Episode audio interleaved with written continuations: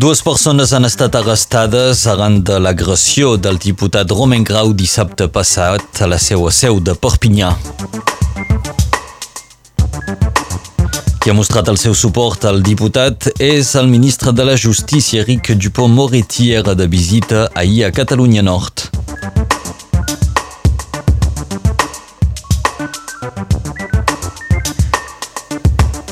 Ja superem a casa nostra els 3.000 contagis de Covid-19 per 100.000 habitants. Mentrestant, a Catalunya Sud ja no s'apliquen les principals restriccions contra l'epidèmia.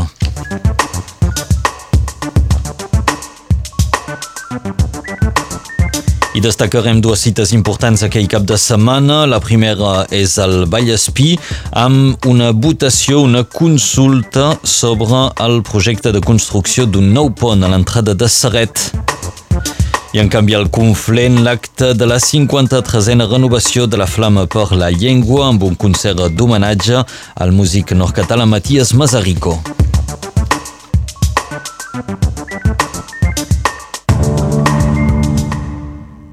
Per començar, tornem sobre la mobilització d'ahir als carrers de Perpinyà. 2.000 persones van reclamar un alça dels salaris, més poder adquisitiu i millors condicions de treball.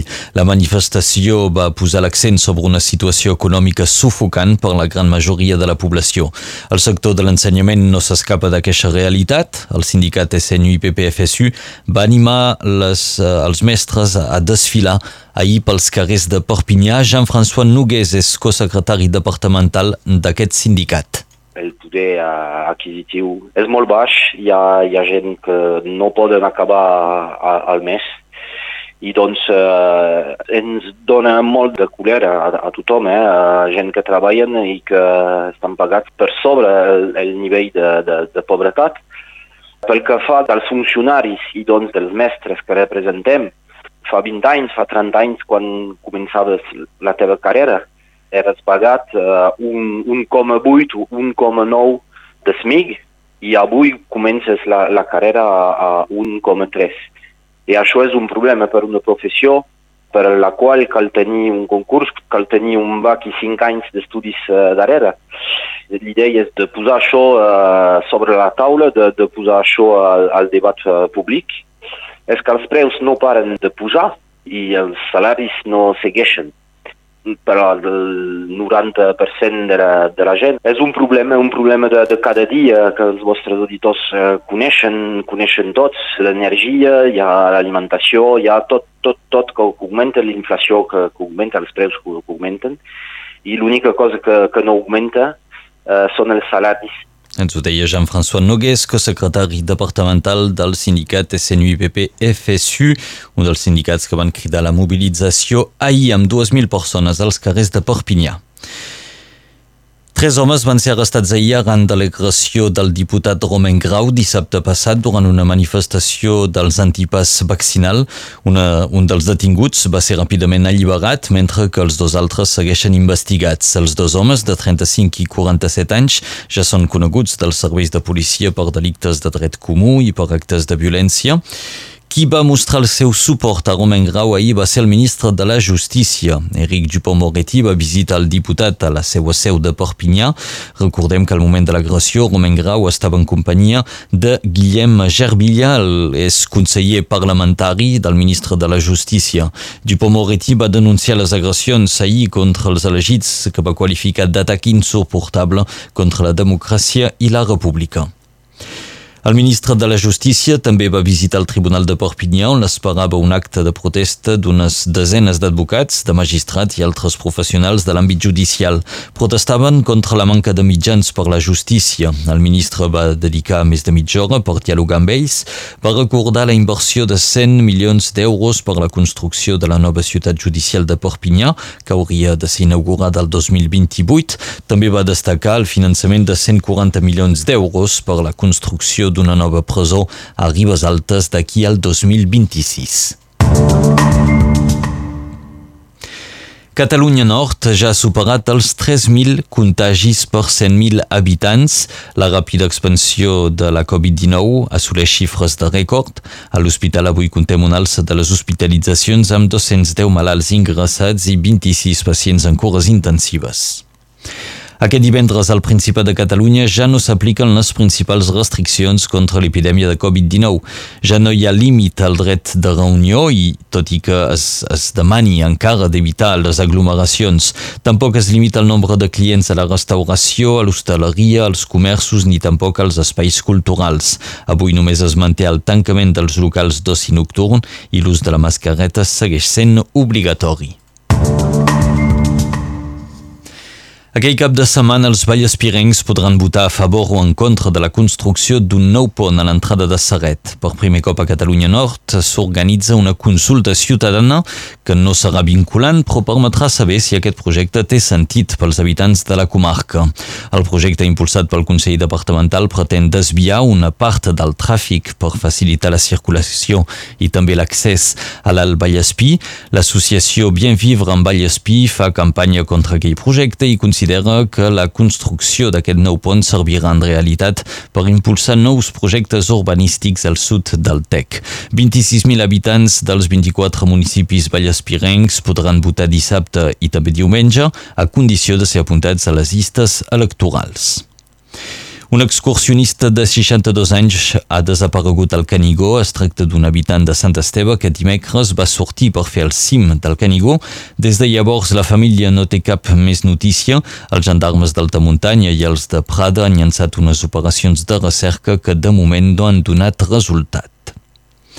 Aquest diumenge celebrarà la 53a renovació de la Flama de la Llengua a Prada amb un acte, l'acte tradicional de l'encesa de la flama a la tomba de Pompeu Fabra. Tindrà lloc a les 11 i mitja del matí.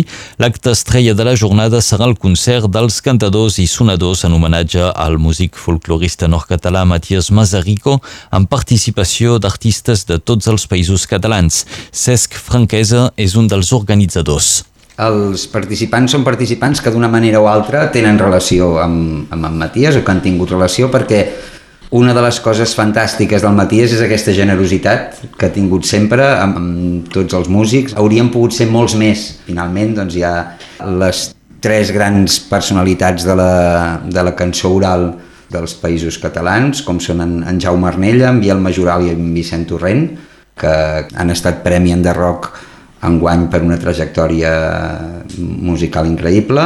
Hi haurà professors i alumnes del Conservatori de Perpinyà, hi haurà el grup de Calaix de l'Empordà, eh, de, de polifonia de veus, i es compta també amb la gravetat de Colom, i el que fan aquests tres artistes de l'alçada d'un campanar és agafar el, el flaviol i portar-lo a, nivell, a un nivell de, de modernitat espectacular.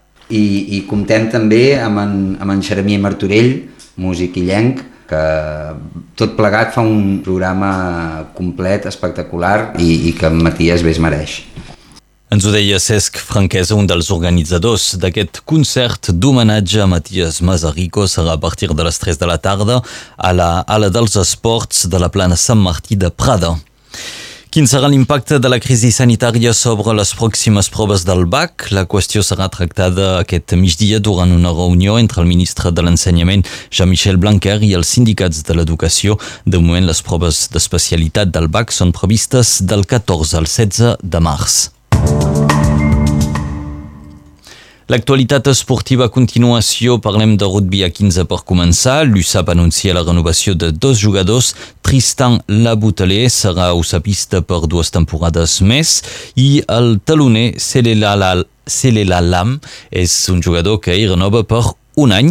L'USAP es prepara també per afrontar Lió, serà demà a les 5 de la tarda a Migiral. Podreu seguir aquest match en directe i en català a Ràdio Arrels amb els comentaris de Gregori Sansa i de Sebastià Girard, una retransmissió realitzada en partenariat amb la plataforma per la llengua. I en rugby a trets, els dracs catalans també jugaran demà, però serà un partit de pretemporada contra el Tolosa Olímpic, l'equip que acaba d'accedir a la Superliga. Serà un match especial amb un equip tolosenc farcit d'antic d'antics dracs, com poden ser uh, Eloi Pellissier, Toni Gigó o encara Lucas Albert. El text, uh, el, el match, perdó, començarà a les 3 de la tarda. És un match que jugarà a l'estadi Gilbert Brutus.